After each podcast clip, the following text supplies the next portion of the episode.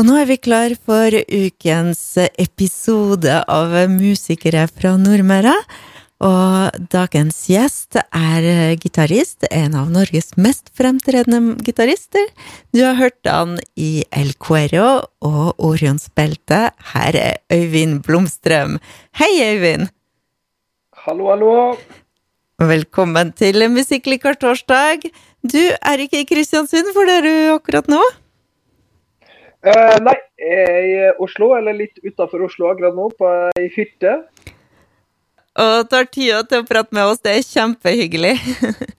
Du, du, Ja, er, er du er fra Harsa. Og, Ja. ehm, og så nå du er kjent som vokalist, men uh, jeg seg et sted at egentlig hadde du tenkt å spille trommer. Ja, altså det stemmer. Altså, jeg spilte uh, vel tromma mer eller mindre hver eneste dag, sikkert, siden jeg var tre-fire år gammel. Til jeg var 16-17-18 år, liksom. Til jeg var ut videregående, egentlig, da.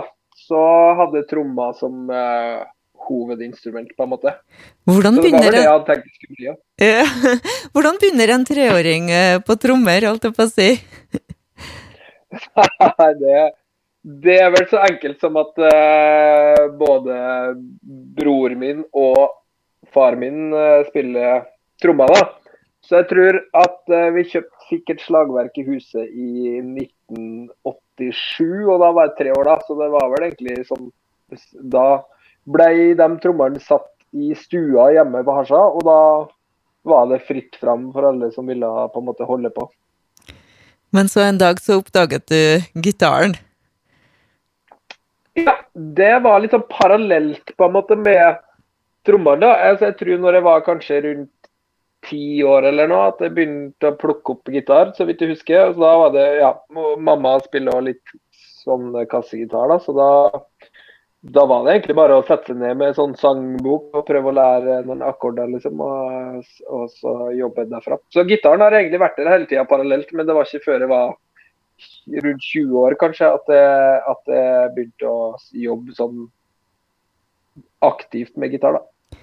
Når instrumentene var klar hele tida på stua, hendte det at dere hadde sånn familiejam eller konsert? Det er ganske lite. altså Søstera mi hun spiller piano, klassisk piano, da. Og så jeg har alltid likt å bare spille mer fritt. Så jeg brukte å på en måte spille ved siden av når hun satt og øvde på nota. på en måte. Uh, men ikke så innmari mye sånn familieband. Nei, det var mer å sette på plater med sånn hodetelefoner da, og så spille ved siden av det. Og så hadde vi heldigvis hatt skyvedører inn mot liksom, kjøkkenet, så mamma kunne liksom eh, få være litt i fred.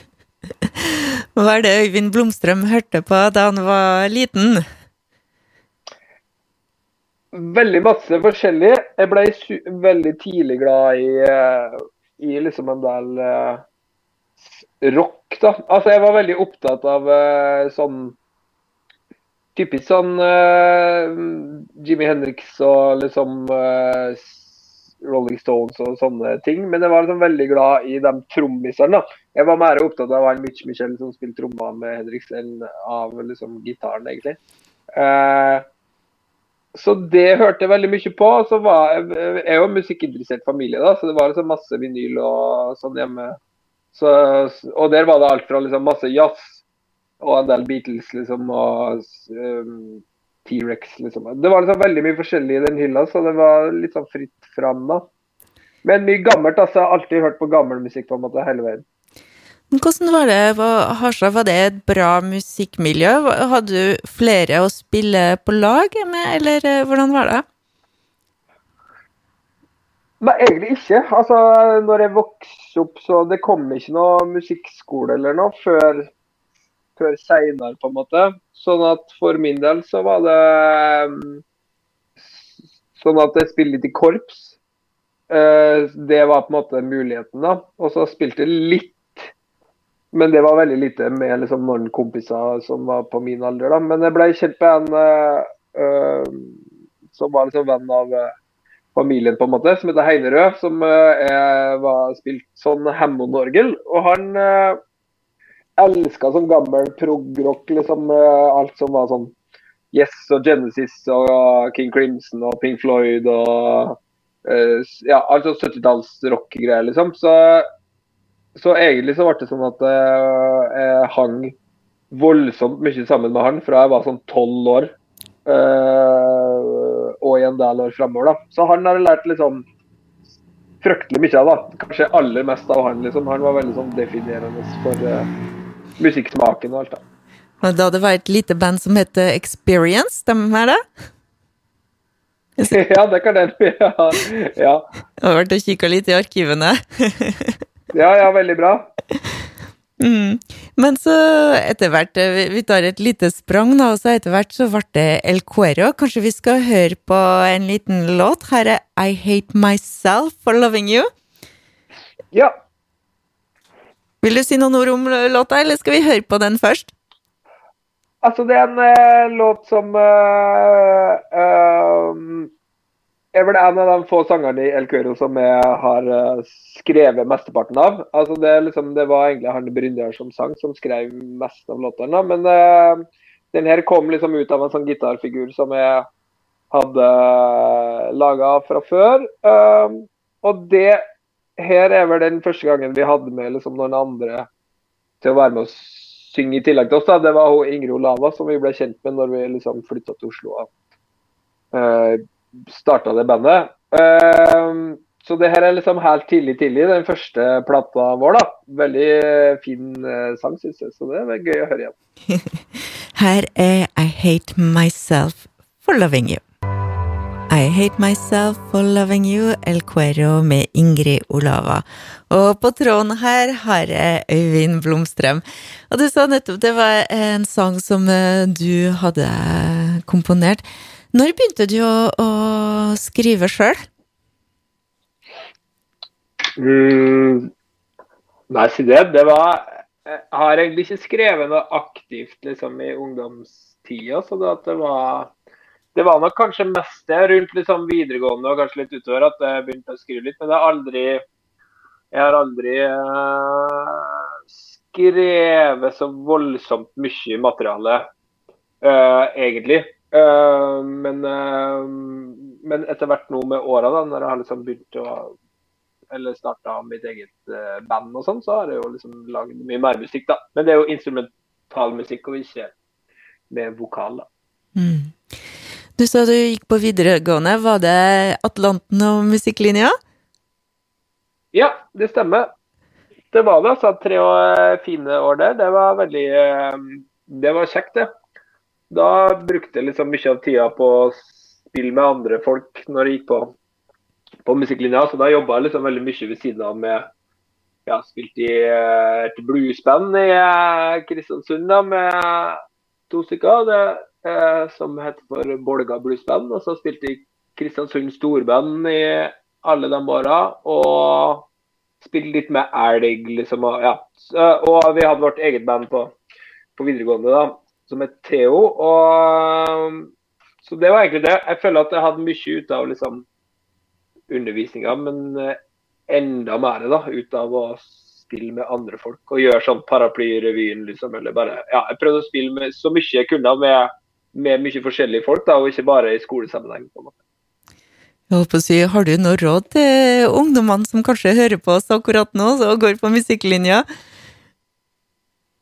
Ja Altså jeg, jeg, tenker, jeg har i hvert fall alltid syntes at det å spille sammen med andre har vært liksom en veldig verdifull, uh, verdifull greie. Og ikke bare på en måte sitte på rommet og øve alene. sånn at For min del så var det liksom det å søke utafor skolen, og det å være med liksom på Det kan være hva som helst. Det var liksom ikke all musikken nødvendigvis eh, som sto med liksom supernært, men jeg syns det var veldig lærerikt å være med, liksom, om det var en revy eller storband som kunne være litt mer sånn gammelmodig musikk, da, men det å bare opptre masse og spille for folk, liksom. Spille så mye man kan for folk, det, det føler jeg kanskje er det aller viktigste. Mm. Så ble det El Cuero etter hvert. Hvordan eh, ble, ble det? Det var òg egentlig gjennom samme, litt den samme perioden at det ble kjent med Håvard og Brynjar. For de, De flytta til Oslo litt før meg, da.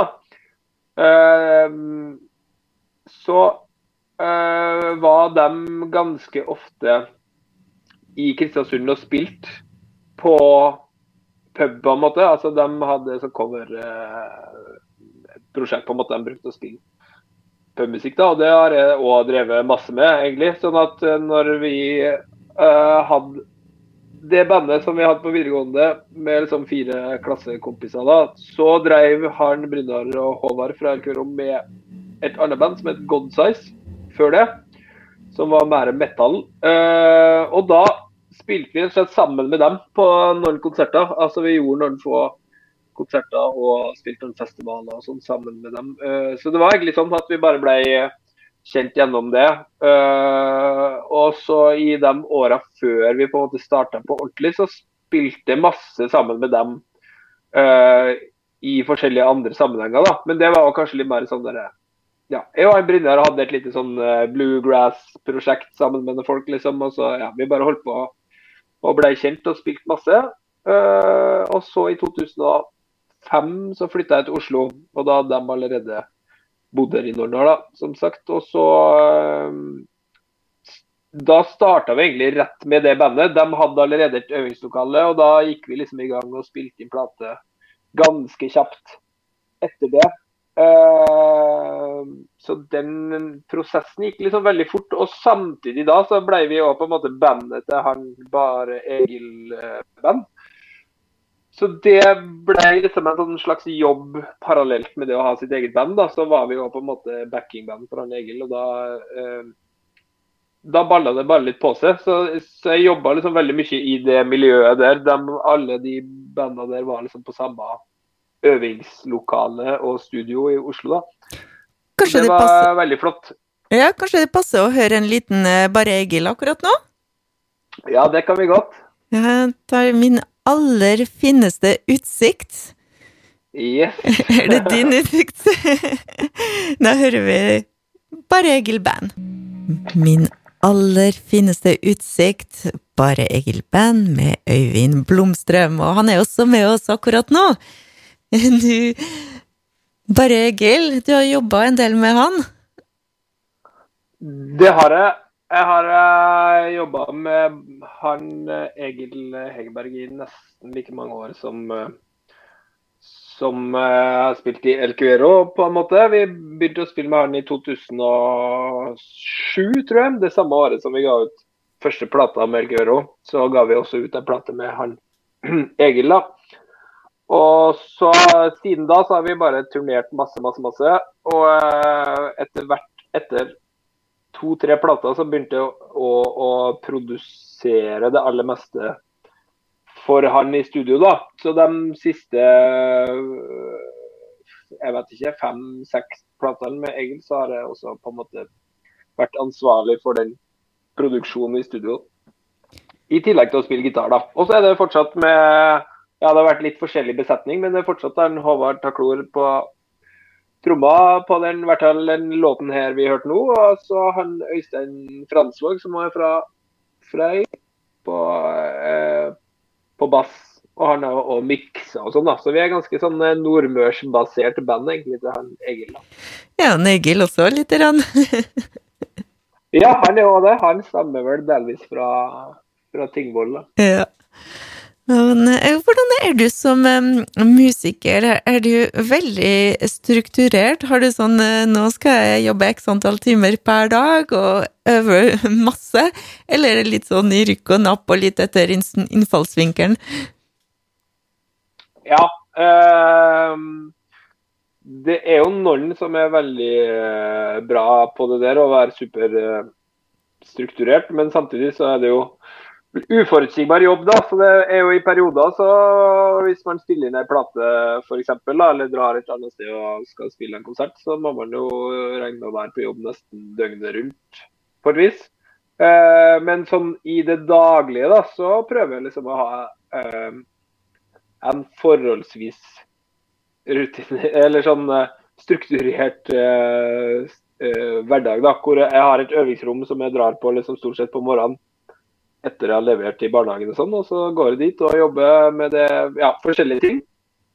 Uh, og det kan jo være liksom øve inn nye sanger til hvis jeg skal spille en konsert med noen jeg ikke har spilt på før, eller skrive ny musikk, eller jobbe litt med en podkast som jeg lager, eller ja, det kan være liksom alt mulig. Og til å liksom gjøre sånn, betale regninger og skrive e-post, på en måte. Så det er litt sånn å dra på kontoret, da. Men det er veldig fint å ha et annet sted enn enn hjemme, så man slipper å gjøre alt det der sittende i, i sofaen.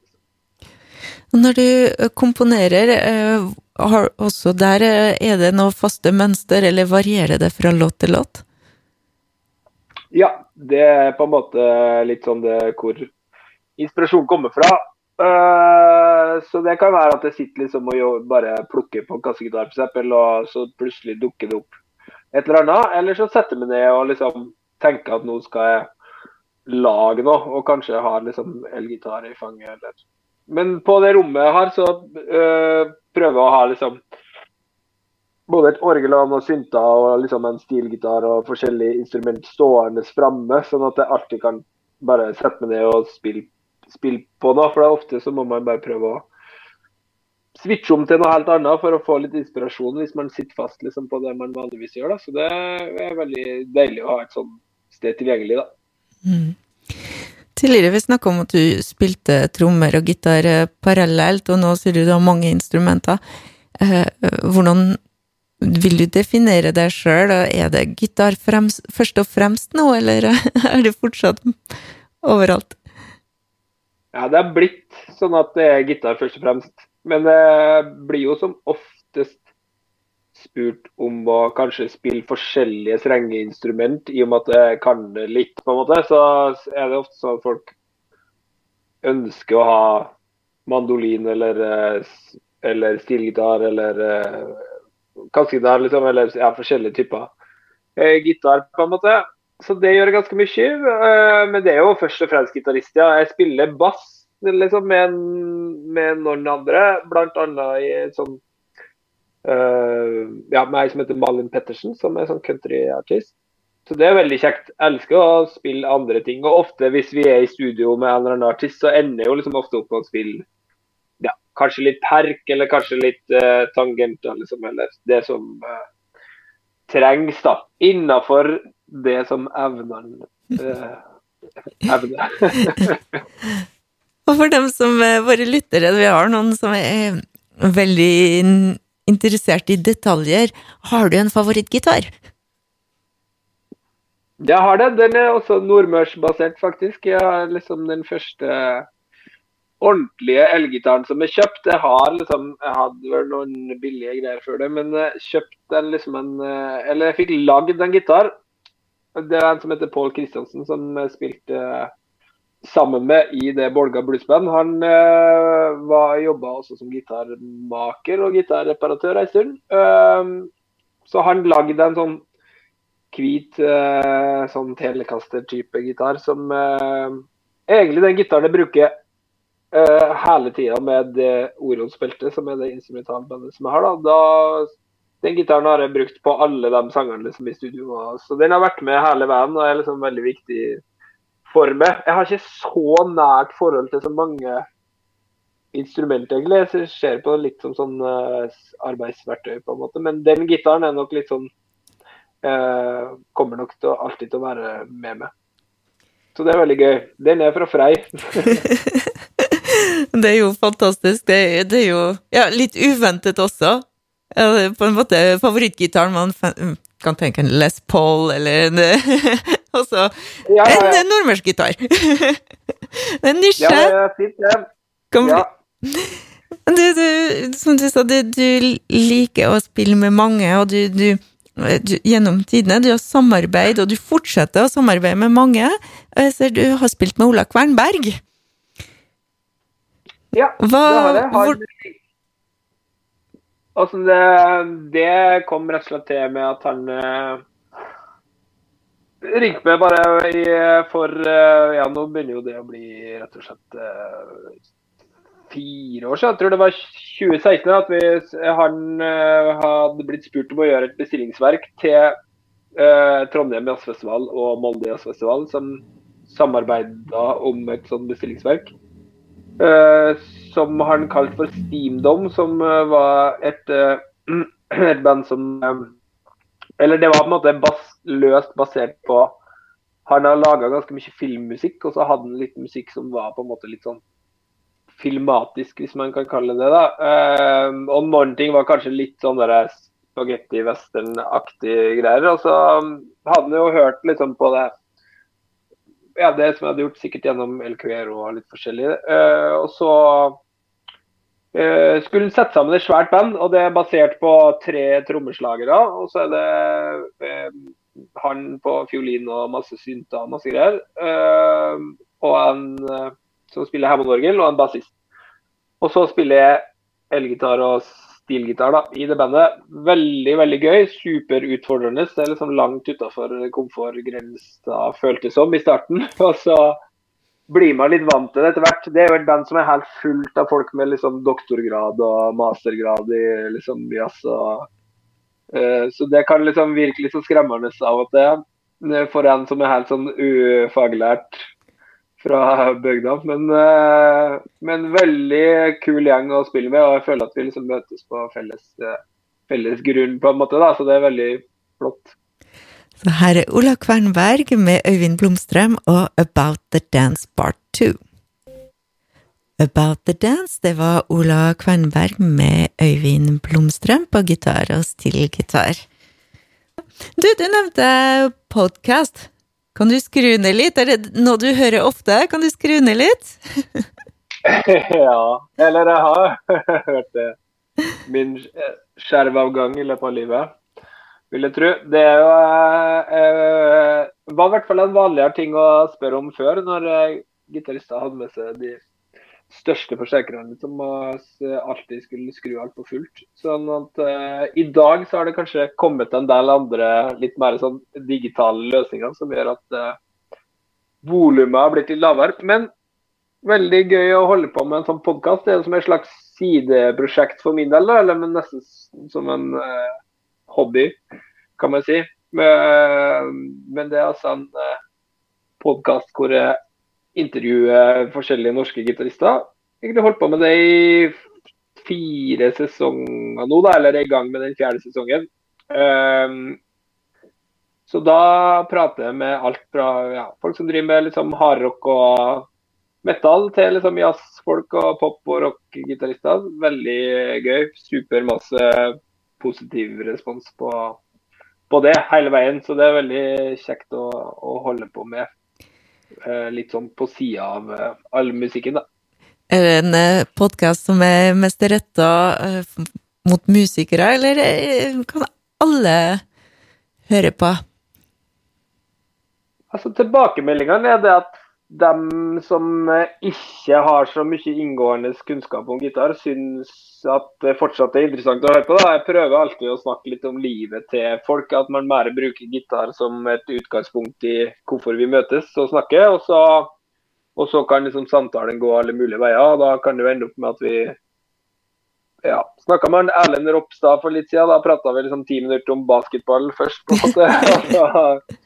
Eller jeg snakka med han Petter Baarli fra Backstreet Girls om noe brødbaking, liksom. Eller altså det Det kan liksom være uh, alt mulig rart. da, så det er veldig mange av dem typisk sånn som han Petter Baarli eller en uh, Ronny Letekerød fra TNT, liksom, som kanskje veldig ofte blir fremstilt som nesten en sånn parodi på seg sjøl. For de er så tydelige figurer i liksom rocke verden, da. Det er sånn skinnbukse og, og, eh, sminke, liksom. og festing og drithøy gitar. Men så er jo begge dem liksom har veldig mye mer å si, da. Eller de er interessert i alt mulig annet og, og interessert i flere typer musikk enn bare det de er liksom kjent for. Så jeg tror at de, det at vi møtes øh, som litt sånn kollega, på en måte, og at ikke er en journalist, det tror jeg har litt å si kanskje for måten de svarer på, eller de kan liksom eh,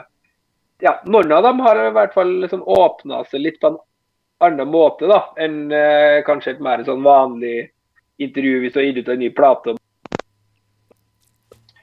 Nå ble du bort for meg. Skal vi se, jeg tror vi må Jo, du er tilbake. Beklager. Ja, her er jeg tilbake. Sorry. ja, eh, du, så snakka du litt om produs... Du, så du har mange Du har mange prosjekter, mange hatter, og, og du som musiker, du har en podkast, og du er journalist. Eh, og så snakka du litt om det med å være produsent. Eh, hvordan går det fram, har du et eget studio som eh, der dere jobber? Uh, nei, jeg har ikke det. Jeg har altså min uh, innfallsvinkel som produsent er jo Eller fra gammelt av så er jo på en måte produsenten den som har det litt sånn musikalske overordna ansvaret når du skal spille inn ei plate. Så hvis det er liksom mange musikere, så, så har liksom produsenten kanskje litt sånn uh, hovedansvar for å arrangere litt åssen folk skal spille sammen, liksom, eller komme med forslag til hvordan sangen skal gå, eller litt sånn virkemidler og, uh, man kan bruke. Uh, mens i dag så er det jo sånn at veldig mange har sitt eget studio, og da er det sånn at den, den rollen som produsent eller tekniker eller musiker eller alt det flyter litt sånn sammen. Uh, men jeg er ikke sånn superteknisk anlagt av meg, sånn at jeg liker veldig godt å og på en måte behandle det som den gammeldagse jobben. Da. Så hvis jeg produserer bare jeg vil, eller øh, ja, hun Monica Heldal har liksom produsert litt, og ja, litt forskjellige andre prosjekt, så, så liker jeg veldig godt å, å, å, på en måte bare konsentrere meg om å få det beste ut av hver sang. Og så har vi som oftest en annen tekniker, da, eller at vi leier oss inn i et studio uh, som uh, hvor det er noen andre som jobber med den tekniske biten. Oskar Ned konsentrere meg om å lage musikken så bra som mulig. Ofte da så har jeg også spilt uh, sjøl. Uh, og det kan jo være kostnadsbasert, på en måte. Hvis det er liksom lavbudsjettinnspillinger, uh, så kan det jo være greit å, å kombinere rollen liksom, som, uh, som gitarist og, og, produsent. da. Så det er, er superartig. synes jeg Det er noe av det artigste jeg vet, å være i studio og lage, lage plate med folk. Og det å kunne møtes i samme rom. Veldig glad i det hvis man kan liksom spille sammen samtidig. liksom. Så det er liksom det Prøver nesten alltid å få til det. Nesten alle skiverne jeg spiller på, så er det sånn at folk står liksom litt i samme rommet eller spiller samtidig, da. Du nevnte nettopp eh, Monica Heldal. Kan du fortelle litt om henne? Ja. Jeg begynte å spille med Monica i 2012, og da var hun ganske sånn fersk eh, artist. Eh, og så gikk det egentlig veldig fort. Vi eh, fikk til noen spillejobber. Vi dro på en eh, turné som oppvarming for en engelsk eh, artist som heter Ben Howard.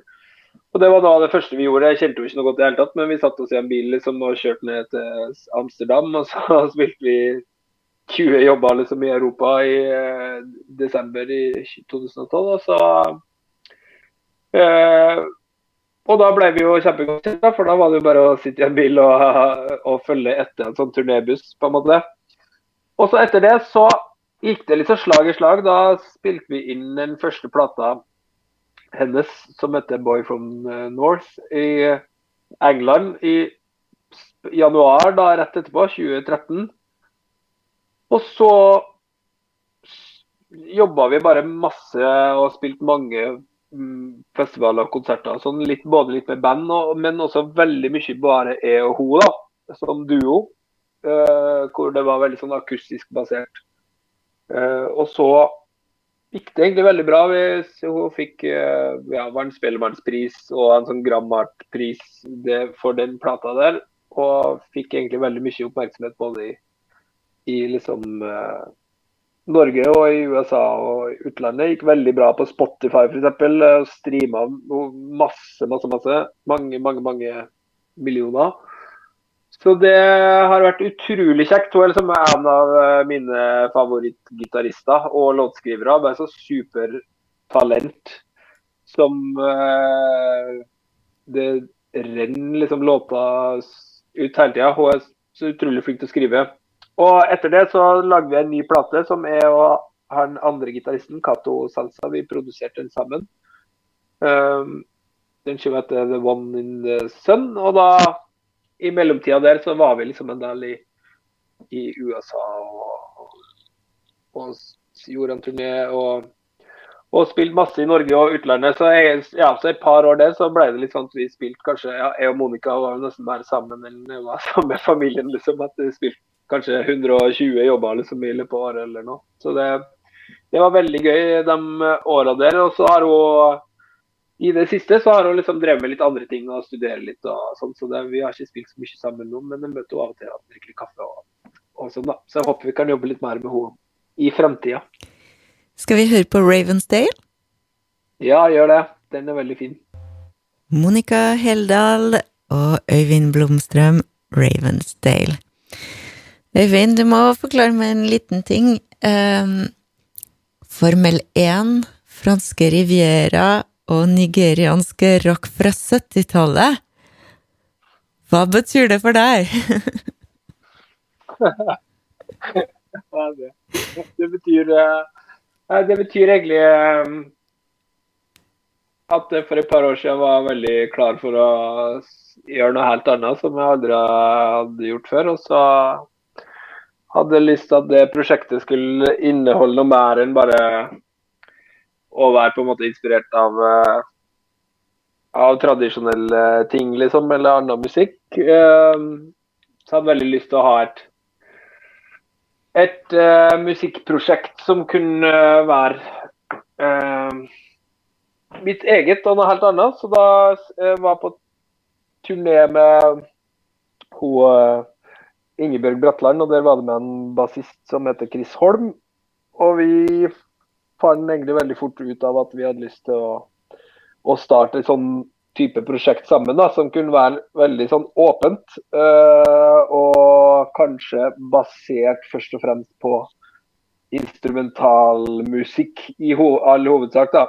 Uh, så det ble egentlig til det bandet som heter Orionsbeltet, som da uh, Hvor det vel står i et presseskriv at vi er inspirert av alle de tingene. Det var veldig sånn på den første plata, så, så hadde jeg liksom egentlig veldig lyst til å bare ikke snakke så mye om uh, på en måte gammel blues eller uh, liksom jazz eller annen instrumentalmusikk, men at vi heller kunne være inspirert av liksom, filmer vi hadde sett når vi var liten, eller ting som har påvirka meg liksom, i, i, oppveksten. Da. Det kan være en boksekamp liksom, eller eh, OL på Lillehammer, liksom, eller det, altså, hva som helst som, som jeg digga når jeg var mindre. Så så det har på en måte blitt litt sånn stuck med, med, med, det bandet der, da, at vi, at vi, ikke er så opptatt av uh, hva slags sjanger det er, liksom, eller hva slags musikk det egentlig er, men vi bare lager ting som vi, som vi liker sjøl.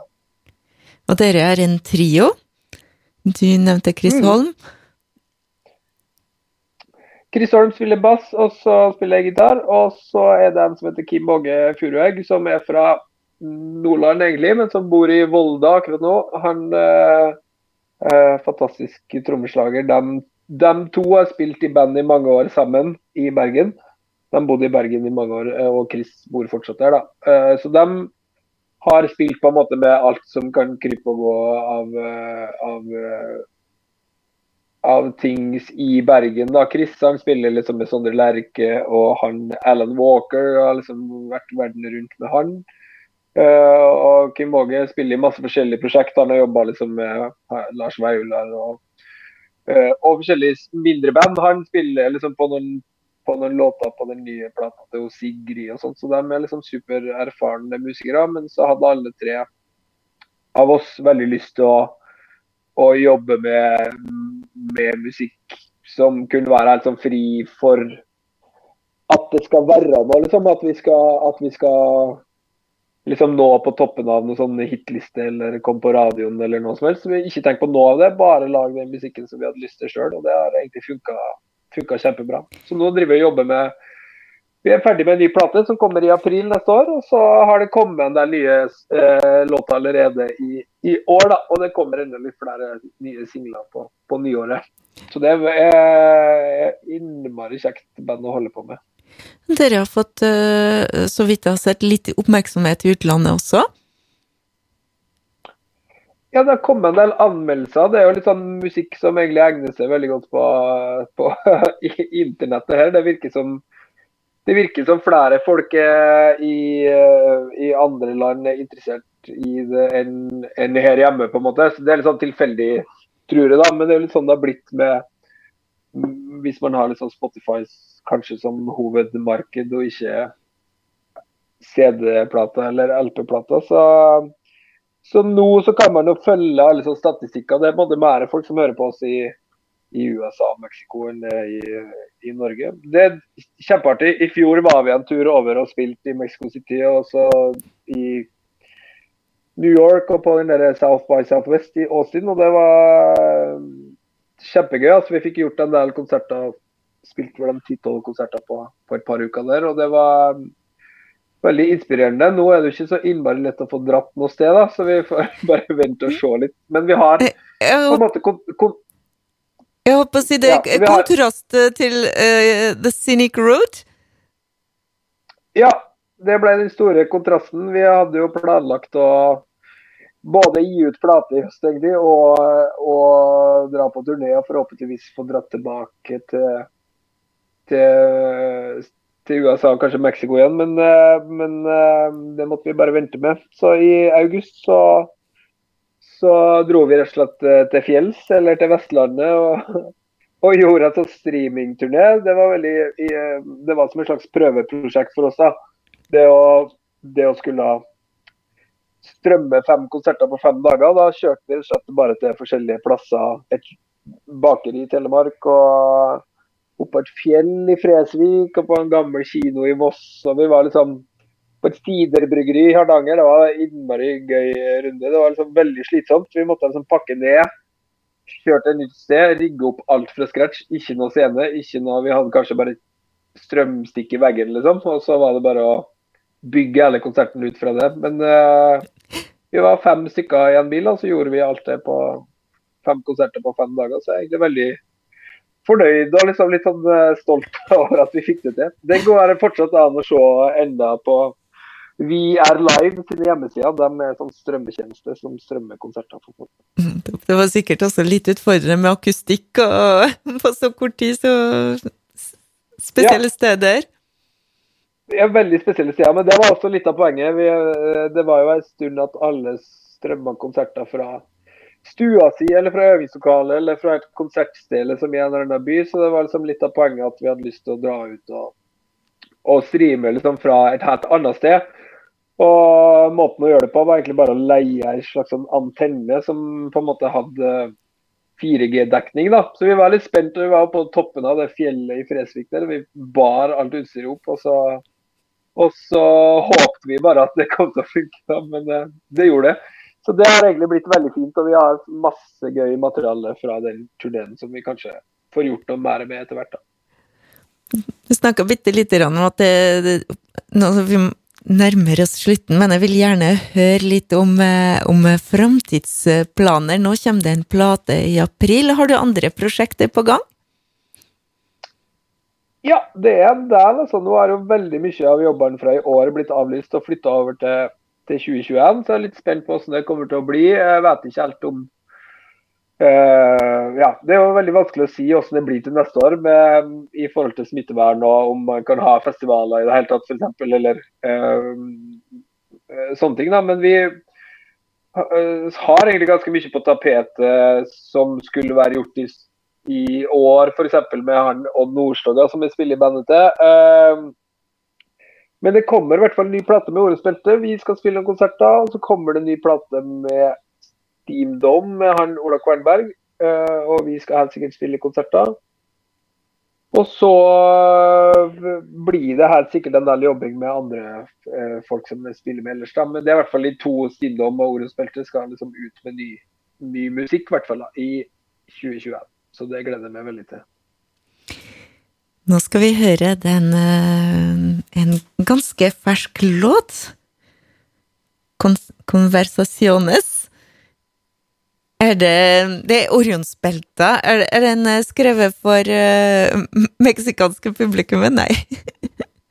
ja, på en måte. Altså, vi gjorde en låt som heter 'Conversations', uh, som var en duett med ei fra uh, Ei som En artist som er basert i Bergen, da. Hun er fra utafor Oslo, men hun bor i Bergen, som heter Skikk Kosve. Uh, og så kom det egentlig bare opp et forslag, ja. Eller vi liksom tenkte at det hadde vært gøy å gjøre noe annet enn uh, bare liksom en annen låt på den singelen. Eller litt som sånn B-side, på en måte. Uh, og da tok vi kontakt med ei som heter Pau Sotomayor, som spiller et ganske stort band i Mexico som heter Sotomayor, som hun har sammen med bror sin. Og så var hun gira på å synge på den låten, da. Og da sendte vi egentlig låten over, og hun sang i sitt studio i Mexico. Fikk tilbake fileren der, og så miksa det sammen. Eh, så det går kjempebra. Den eh, eh, versjonen gjør det egentlig enda bedre på båten enn den originale versjonen. Så det, de sameksisterer bare på to forskjellige språk. Så det er den samme låten som den 'Conversation', bare at hun synger sitt vers på, på spansk. Da. Og så er det kommet en video også? Ja. Det stemmer. Det er en musikkvideo uh, ute i to forskjellige versjoner òg, som den låten.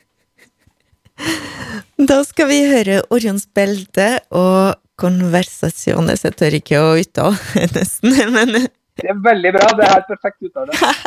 takk. Men da, Øyvind Blomstrøm, tusen, tusen hjertelig takk. Takk for at jeg fikk være med. Det var innmari kjekt. Og velkommen igjen.